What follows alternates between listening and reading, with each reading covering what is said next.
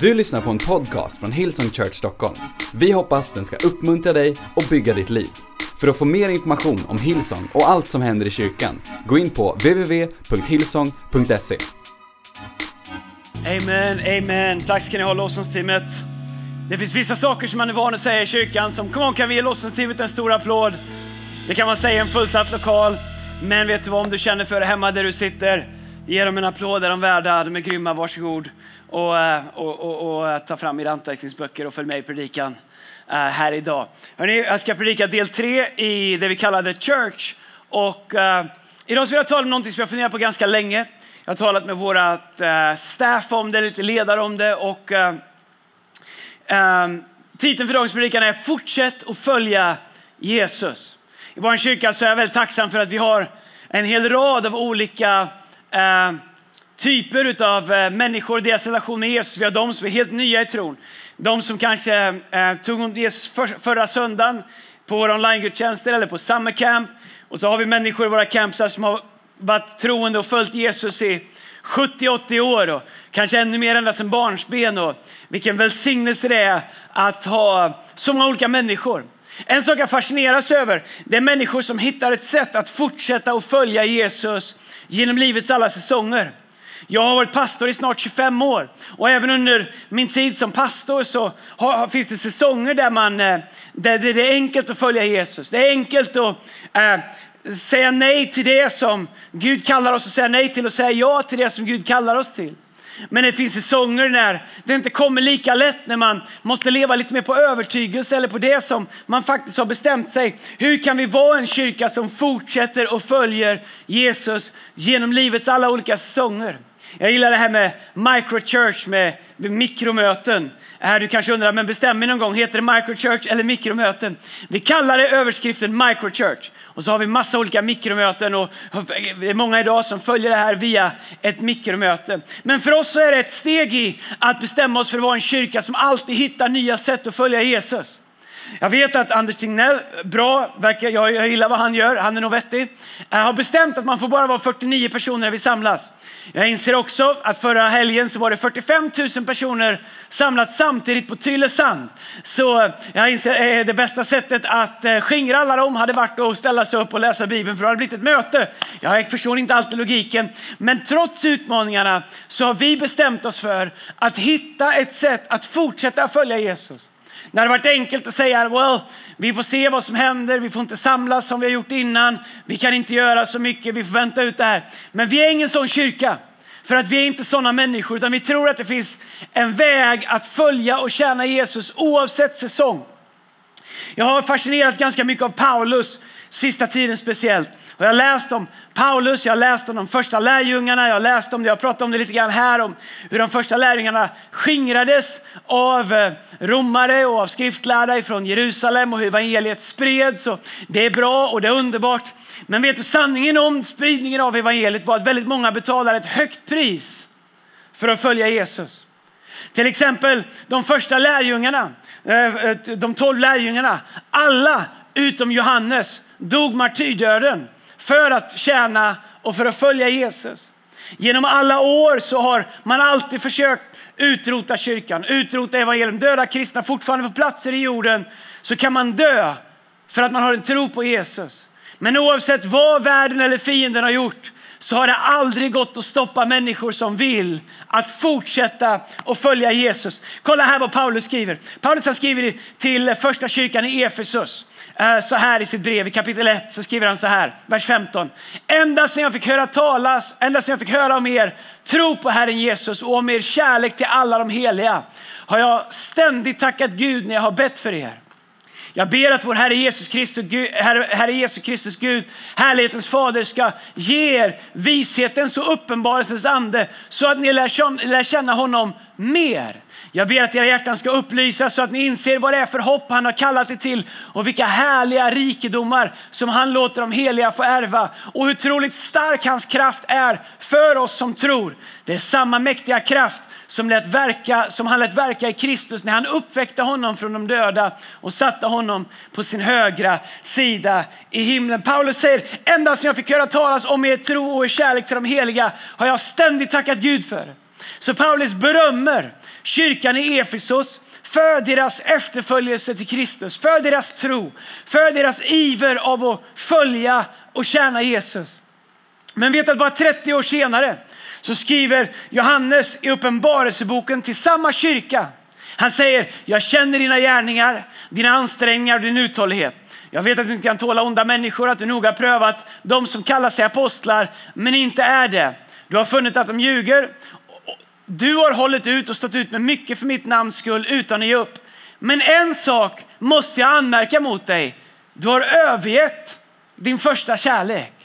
Har du varit i en relation någon gång Första veckan och första månaden, det pirrar i magen, du kan inte sova. Du är beredd att göra allting. Jag vet när jag dejtade Lina, jag överraskade henne, jag körde ner mitt i natten, knackade på fönstret, hälsade på henne lite i smyg. Det var, vi skötte den bra sådär så ingen fara så. Sen körde jag hem på natten. Vet du, nu är jag så trött ibland så jag vill bara gå och lägga mig halv tio på kvällen. Vi har varit gifta 18 år. Jag älskar henne fortfarande, vi har en passionerad relation. Men vet du den här första kärleken, när det betyder allt. När det pirrar i magen och det, det liksom går av sig själv. 18 år in i ett äktenskap så har det funnits säsonger för mig och Lina när vi har best, fått bestämma oss för att fortsätta älska varandra, fortsätta leva med varandra, fortsätta att bygga vår relation. Så kommer man in i nya och enklare säsonger. Men vet du, det är samma sak i vår relation med Jesus. Och Paulus han säger till Efesus, när jag fick höra talas om er kärlek så kunde jag inte sluta tacka Gud för det. Johannes säger, hej, ni har gjort många saker bra, men en sak. En sak har ni tappat. Er första kärlek till Jesus. Det här enkla, det här som får er att följa honom, det där som fick er att inte det var enkelt för er att ge upp saker i era liv som ni behövde ge upp för efterföljelsen till Jesus. Jag tänker på våra liv som efterföljare till Kristus. Hur kan vi leva liv där vi inte hamnar efter ett år, fem år, tio år, femton år, 20, 30, 40, 50 år. Så att om Johannes skulle säga samma sak om oss. Ni gör bra saker, jag har inga problem med ert levande. Men jag undrar, vart är den första kärlek? Jag säger inte det med skuld till någon, jag säger det som en uppmuntran och uppmaning till oss. Att leva liv där vi fortsätter att följa Jesus. Hur kan vi fortsätta att följa Jesus i olika säsonger av livet? Hur kan vi fortsätta följa Jesus när vi har framgång och kanske inte är så beroende av honom som vi var när vi verkligen behövde honom? När livet går bra. Hur kan vi fortsätta att följa Jesus i våra misslyckanden? Att inte falla för skam, inte falla för fördömelse utan fortsätta följa Jesus? Hur kan vi fortsätta följa Jesus i förändring? När livet inte är som det en gång var. Kanske blev du frälst eller började följa Jesus när du var 18 år och allt, hela världen var full av färger och du hade all tid i världen. Och du tjänade Gud, du var med i team, du gjorde alla möjliga saker. Men nu är du 45 och 50 och har fullt med saker i livet.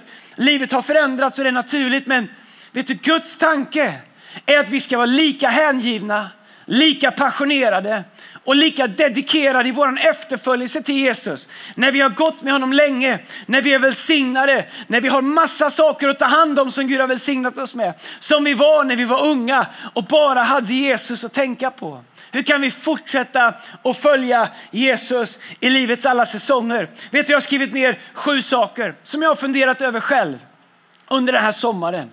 När jag har ställt frågan till mig själv, Andreas, hur kan jag fortsätta att följa Jesus?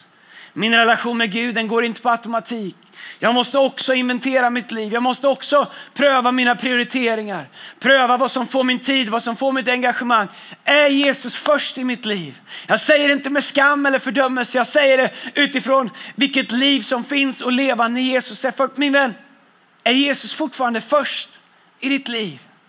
Kanske säger vi reptil, med reptilhjärnan på det. Ja, han är först, men faktum är att om Jesus är först i våra liv så syns det på vår tid, i vår ekonomi, i vårt engagemang, i hur vi ser och bryr oss om andra människor. Sju saker jag har frågat mig själv, du ska få dem ganska snabbt. Jag önskar jag haft lång tid att predika, men det har vi inte här online. För att ni är en crowd som vill ha det snabbt och det är, det är bra. Men nummer ett, sju frågor jag ställer mig själv om, om eh, vad som hjälpt mig att tjäna och följa Jesus. Nummer ett, varför tjänar jag Gud? Det är värt att ställa sig frågan, varför tjänar jag Gud? Gör jag det för att jag inte vill skämmas inför andra? Gör jag det för att jag har lärt mig att det är rätt sak att göra? Gör jag det för att jag ställer upp? Gör jag det? Eh, vi har precis haft summercamp och vi har haft en myriad av fantastiska volontärer som har tagit ledigt från jobb. En del obetalt för att kunna betjäna nästa generation. Varför gör vi det? Gör vi det för att vi måste eller gör vi det för att det är ett naturligt uttryck av att följa och tjäna Jesus? Att pröva sina motiv. Varför tjänar jag Gud? Eller ibland våga vara så ärlig och ställa sig frågan, varför tjänar inte jag Gud? Varför finns det inte tid i mitt liv längre för att tjäna Gud? För att betjäna och bygga det som Gud bygger. En annan fråga som jag ställer mig själv det är, tror jag fortfarande på uppdraget? Vilket uppdrag pratar jag om? Jag pratar givetvis om missionsbefallningen. Att vårt viktigaste uppdrag här på jorden för oss som följer Jesus, när Jesus säger gå ut i hela världen och berätta om mig. Gå ut i hela världen, ge människor evangelium, klä dem, hungriga, klä, klä dem nakna, mätta dem hungriga, ta hand om de utslagna. Det är vårt primära uppdrag för varje kristen. Men vet du, Bibeln säger att den som är planterad i Guds hus i en lokal församling kommer alltid att blomstra. Och med att vi är en del av en lokal församling så är vi också en del av vår kyrkas uppdrag. En fråga som jag även som pastor måste ställa mig nu då. Tror jag fortfarande på uppdraget? Uppdraget som vi som kyrka har, om jag gör det så måste jag vara med i det. En annan fråga när det kommer till det, tror jag fortfarande på uppdraget som Gud har för mitt liv? Vet du, Gud har en kallelse för dig. Din kallelse är inte temporär. Din kallelse är inte säsongsbetonad. Vad du gör och hur den ser ut, det kan skifta genom livet, genom livets säsonger. Men vet du, Bibeln säger att Gud har frälst oss och kallat oss. Jag tror inte att det finns någon tid i våra liv när vi bara lever frälsta. Jag tror att det alltid, finns, alltid bara finns en tid när vi lever frälsta och kallade. Hur vår kallelse ser ut, det kan se olika ut. Men, men, men, frågan är, mitt liv, det som Gud har lagt över mitt liv, tror jag fortfarande på uppdraget? Är uppdraget fortfarande det som leder mitt liv? Om det inte är det min vän, ta tillbaks det i ditt liv. Det är där meningen med livet finns. En tredje fråga som jag ställer mig själv är, vad i mitt liv, i det som Gud har kallat mig till i min efterföljelse, vad i mitt liv har blivit ordinärt? Som tidigare var extraordinärt. När jag kom tillbaka till Gud när jag var 20 år, jag kommer ihåg när jag kom in i kyrkan. Varje sång de sjöng var som att den var livsförvandlande. Jag stod där, långt hår, örhänge, stenhård, spelade i band och lät tårarna bara rinna ner. När de sjöng Jesus, lover of my soul. Holy spirit rain down. And, eh, någon sång, and I will run with you eller to you. Eagles wings. Jag fattar inte ens allt vad de sjöng men det var som att allt bara handlade om mitt nya liv. Allt var extraordinärt. När jag fick tjäna Gud med de mest obetydliga uppgifterna så var det den största stoltheten i mitt liv att få vara med och tjäna Gud. När vi startade den här församlingen, tänk när vi hade första söndagen 91 personer på mötet, andra söndagen 38, tredje 21. Vi höll på att bli utrotningshot, vi var utrotningshotade efter tre veckor för vi bara sjönk och sjönk och sjönk.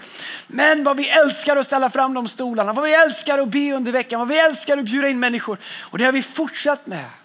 Men vet du, lite nu och då så får jag också kämpa mot att det som är extraordinärt blir vardag. En vecka till, ett möte till, ett behov till, ett rum till som ska ställas i ordning. En sak till vi ska prata om som vi tillsammans kan göra som volontärer och som medarbetare. Min vän, min bön är att vi aldrig skulle hamna i ett läge där det som en gång var extraordinärt, som grep våra hjärtan, skulle bli någonting som vi enkelt väljer bort. När det blir så, så behöver vi gå till Jesus och säga Jesus, påminn mig igen om vad du har gjort för mig. Påminn mig igen om varför jag har förmånen att tjäna dig. Att jag, allt jag gör är en respons tillbaks på allting som du har gjort för mig. Den fjärde frågan som jag ställer mig själv är, är jag fortfarande gripen? Nej, om du precis har blivit frälst och lämnat ett kriminellt liv så är det inte det gripen som du tänker på. Gripen är ett annat ord. Det, jag tror att det här är 1917 års översättning. Ni vet att det är tryck i predikan när man citerar någonting från 1917 års översättning. Nya översättningen säger fångad. Att vara fångad av Kristus. Så Paulus han säger i Filipperbrevet kapitel 3, vers 10, han säger jag vill lära känna Kristus och kraften av hans uppståndelse. Jag vill dela hans lidanden och bli lik honom i en död som hans. Det låter helt rubbat men vi kommer tillbaks till det. Så hoppas jag nå fram till uppståndelsen från de döda. Jag har verkligen inte nått detta än och jag är inte färdig. Det här säger Paulus. Men jag strävar efter att gripa det eftersom Kristus Jesus har gripit tag i mig. Så Paulus han, han säger att jag strävar efter att fånga allt det som Gud har för mig. Allt det som Gud har kallat mig till. Jag strävar efter att gripa det eftersom Kristus Jesus har fångat mig eller gripit tag i mig. Min vän, en fråga jag ställer mig själv ibland, Andreas, lever jag fångad av Kristus. Och då menar jag inte det på något negativt sätt, men fångad av hans frälsning, fångad av hans kärlek, fångad av hans uppdrag, fångad av att göra skillnad här på jorden. Jag vill inte leva 80 år, ska de sjunga något fint min begravning och sen så lämnar jag jorden utan avtryck. Nej, jag vill leva här på jorden fångad av Kristus. Men lyssna här när Paulus säger de här orden. Jag har inte tid att dyka superdjupt i det, men jag vill ändå säga vad det är Paulus säger. Paulus beskriver hur Kristus har fångat honom. Och han, han, han, säger att jag vill lära känna Kristus även i en död som honom. Och han säger i vers 10, om vi kan gå tillbaka till vers 10, så säger han jag vill lära känna Kristus och kraften av hans uppståndelse och dela hans lidande och bli lik honom i en död som hans. Vad betyder ens det? Hur du förstår att Paulus han förstår att följa Jesus det kommer ibland med en prislapp. Jag vet att vi inte pratar om det hela tiden därför att det inte är essensen av vad det är, utan, men det är en del av vad det är. Paulus har tidigare lett en stening mot en man som heter Stefanos. Paulus hade ett jobb att förfölja kristna. Paulus vet att publikt bekänna Jesus Kristus som frälsare kan mycket väl vara förenat med dödsstraff. Så när han säger jag vill lära känna Kristus och kraft i hans uppståndelse, även dela lidandet och bli lik honom i en död som hans, så handlar det inte bara om att han pratar symboliskt. Han vet vad det kan kosta honom att följa Jesus. Han har sett kristna mördas. Han har sett dem bli slängda till lejon inför åskådare som ett spektakel för människors underhållning. Alla lärjungar i Bibeln utom Johannes dog martyrdöden. Dödade, korsfästa, halshuggna, nedsänkta i kokande olja. Bara Johannes dog en naturlig död, gammal på ön Patmos. Man tror att Petrus och sen till slut även Paulus dödades genom att de brändes på bål. Så när Paulus säger jag vill lära känna Kristus kraften i hans uppståndelse. Han säger, jag vill leva det. Och han säger, jag är beredd att det får kosta vad det vill. Då inser man att när Paulus säger att han har blivit fångad av Kristus så är det något som har tagit över honom, som driver honom, som leder hans liv. Min vän, tack gode Gud att vi lever i ett land där man inte blir dödad för sin tro. Jag läste precis som andra länder där de nu för tiden även arkebuserar, dödar troende. Det finns människor som hamnar i fängelse för att de äger bara ett kapitel i Johannes evangelium runt om i hela vår värld så finns det förföljelse av kristna på ett sätt som vi borde prata mer om. Men vet du, vi har inte så i Sverige. Är det kanske därför som det ibland är så enkelt för oss att bli bekväma i våran tro och inte inse vad Jesus gjorde, vad han betalade för att kunna fånga oss till det liv som han har för oss. Men jag vill påminna mig själv om att leva fångad, gripen av Kristus i det liv som han har kallat mig till, i det som han gjorde för att jag ska kunna få det liv som Gud har gett mig. Den femte frågan som jag ställer mig själv vad det gäller om jag följer Jesus och tjänar honom på det sätt som han har tänkt är, behöver jag Guds närvaro? Behöver jag den helige ande i mitt liv? Här är en fråga att ställa sig. Om den helige ande togs bort från mitt liv, jag ber att det aldrig skulle ske. Men om den helige ande togs bort i mitt liv, vad i mitt liv skulle inte funka längre? Om mitt liv funkar lika bra utan den helige Ande, då lever jag inte det liv som Gud har för mig. Det finns ingen fördömelse i det. Det finns bara en inbjudan till ett helt annat liv, ett mycket större liv.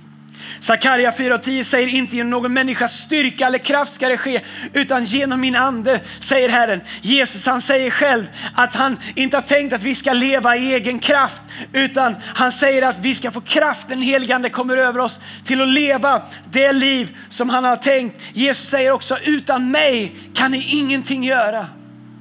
Om Jesus säger att vi inte kan göra det han har kallat oss till utan honom, då behöver vi Guds närvaro i våra liv. Då behöver vi tiden med Gud, tiden i ordet. Tiden i gemenskap, vet du, närvaron av Gud växer när vi läser Guds ord, när vi ber, men vet du, den växer också i gemenskap med andra. Det är därför Paulus säger försumma inte sammankomsterna. Det är därför vi är så drivna med de här mikromötena. Därför att mitt hjärta går sönder när jag hör om människor som, i vår kyrka som kämpar med sin tro. Som ibland kanske till och med bygger liv som liknar mer det de hade innan Jesus. Inte för att de är dåliga människor, men därför att tron var aldrig tänkt att existera ensamt. Den är tänkt att existera i gemenskap med andra människor. Och vi vill göra allt vi kan, min vän, du är kallad till att leva beroende av den helige Ande. Och Bibeln säger att Gud han ger anden utan att mäta. Det finns ingen gräns på hur mycket av Guds ande som vi kan ha i våra liv. den sjätte frågan som jag ställer mig själv är, är jag personligt involverad i att möta människors behov? Vet du, när du ger av din kollekt och givande till kyrkan så är det Gud välbehagligt. Det hjälper oss att göra en skillnad. Jag gör det och ni gör det. Men vet du, det finns också något som Gud har kallat oss var och en till. Där vår kristna tro får ett avtryck i våra liv.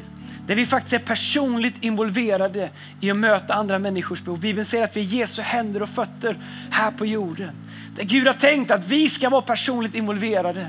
Ibland på många sätt, ibland på, no på mindre sätt, men alltid på något sätt. Att det alltid finns en dimension av att vi är involverade. Vet du, jag tror på en kristendom som trivs bäst med lite smuts på händerna. Jag menar inte av synd, när, jag växte upp så mekade jag mycket med bilar. Jag bytte motorer och vi höll på att greja. Och jag, var, och jag växte inte upp på Söder som Erik gjorde. Jag växte upp i en stad där man fick vara barn på riktigt. så vi mekade med bilar och vi körde dem lite innan man fick körkort också. Vet du, man fick alltid skit, smuts förlåt, under naglarna. Och det spelade ingen roll hur man höll på så hade man alltid smutsiga naglar. Det syntes när man hade varit och mekat bilar som man kunde racea med. Men vet du, jag tror kristendomen är likadan. Kristendomen är bäst när vi har lite smuts på händerna av att vi har varit personligt involverade i att möta andra människors behov. Den sjunde och sista frågan som jag har ställt mig själv den här sommaren är, har jag fortfarande överlämnat mitt liv till Gud? Paulus han skriver i Galaterbrevet 2 och 20 så skriver han så här, och nu lever inte längre jag utan Kristus lever i mig. Så länge jag lever här i min kropp lever jag alltså genom tron på Gud. Han som har älskat mig och gett sitt liv för mig. Så Paulus han säger, hej, jag vet vad som kan vänta mig. Men jag har överlämnat mitt liv till Jesus. Han säger tron är inte bara en livlina för mig längre. Tron är inte bara en krycka. Tron är inte någonting som känner mig, får mig känna mig lite bättre. Han säger jag har överlämnat mitt liv till Jesus. Jesus har tagit över mitt liv och han har lett mig. Och jag vill att man ska säga om oss i kyrkan att man har, vi har överlämnat våra liv till Jesus. Vet du, i Uppenbarelseboken kapitel 3, vers 8 så står det så här. Uh, om en kyrka, en av de tidiga kyrkorna som hette Philadelphia. Då står, skriver Johannes så här. Jag känner dina gärningar. Se, nu har jag öppnat en dörr för dig som ingen kan stänga. Din kraft är inte stor, men du har hållit mitt ord och inte förnekat mitt namn. Vet du vad, vår resa med Gud den kan gå lite upp och ner. Men min bön är att vi skulle vara en kyrka, att vi skulle vara individer som Gud tittar på. Han säger, jag vet att din kraft inte alltid har varit stor. Ibland har du kämpat, ibland har du hållit kvar för glatta livet. Men du har hållit mitt ord och du har inte förnekat mitt namn. Och då säger Gud, nu ska jag öppna en dörr för dig som ingen kan stänga. Det finns ett liv för dig, en dörr som Gud vill öppna. Ett äventyr för dig genom en dörr som ingen människa kan stänga. Men det kommer när vi väljer att leva frälsta och kallade. När vi väljer att göra Jesus inte bara till frälsare i våra liv, men Herre i våra liv. När vi väljer att följa honom och låta honom leda i allting som vi har. När vi inte bygger liv där Jesus får en liten plats, utan där Jesus fortsatt är först i våra liv och det centrala i våra liv. Ingen säsong, ingen framgång, inga misslyckanden, inga förändringar runt om i livet ska få oss att inte följa Jesus. Det är min bön den här hösten. Oavsett om vi får vänta lite på att samlas så ska vi följa Jesus, var och en av oss. Vi ska, om det behövs, återuppliva vår passion för Jesus, återuppliva vår efterföljelse för Jesus. Tack gode Gud för att det finns så mycket att ösa av vad det gäller Guds kärlek. Att han är en Gud som aldrig ger upp på oss. Han säger att inte ens en tynande veke ska han utsläcka. Om du lyssnar på det här idag och du känner wow, Jesus är kanske inte längre det centrala i mitt liv. Men jag pratar även till dig, du som ingen tror att det skulle kunna vara du. Kanske har du låtit livet ockuperas av så mycket annat, men du kommer ihåg en tid när du verkligen brann och Jesus verkligen var först i ditt liv. När lärjungaskapet var det centrala i ditt liv. Här är vad Gud säger.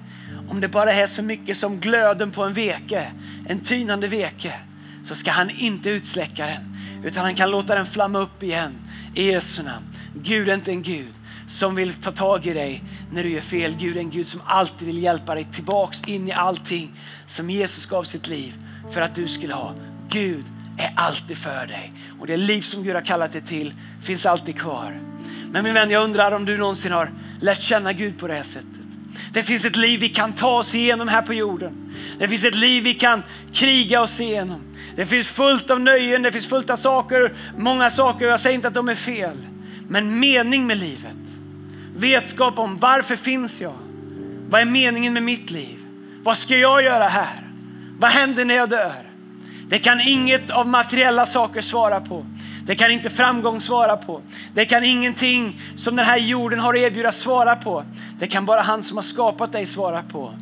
När du bjuder in Gud i ditt liv så visar han dig vem du är, varför du finns till, vad du ska göra här på jorden och vad som händer när du dör. Gud är essensen av varför vi finns till. Paulus skriver i Efesierbrevet som vi läste ifrån, han säger It's in Christ we find out who we are and why we're living. Det är i Kristus vi upptäcker vilka vi är och varför vi lever. Min vän, om du aldrig har bjudit in Gud i ditt liv så är det så här enkelt. Där du är, med alla frågor du har, med tvivel som du har, med saker du inte förstår. Om du säger till Gud, Gud, jag öppnar mitt hjärta. Jag vill att du kommer in. Jag vill att du visar dig och blir en verklighet i mitt liv. Jag vill ha en relation med dig. Det här som Andreas pratar om idag, om det är sant. Gud kom in i mitt liv. Jag vill ha det. Om du säger det till Gud, även med dina ord, så gör Gud det. Och det är starten på en resa med Gud. Men när jag gjorde det när jag var 20 år. Jag hade en tro på Gud, men när jag överlämnade mitt liv till Gud när jag var 20 år, då förändrades mitt liv. Men vet du vad som mer förändras?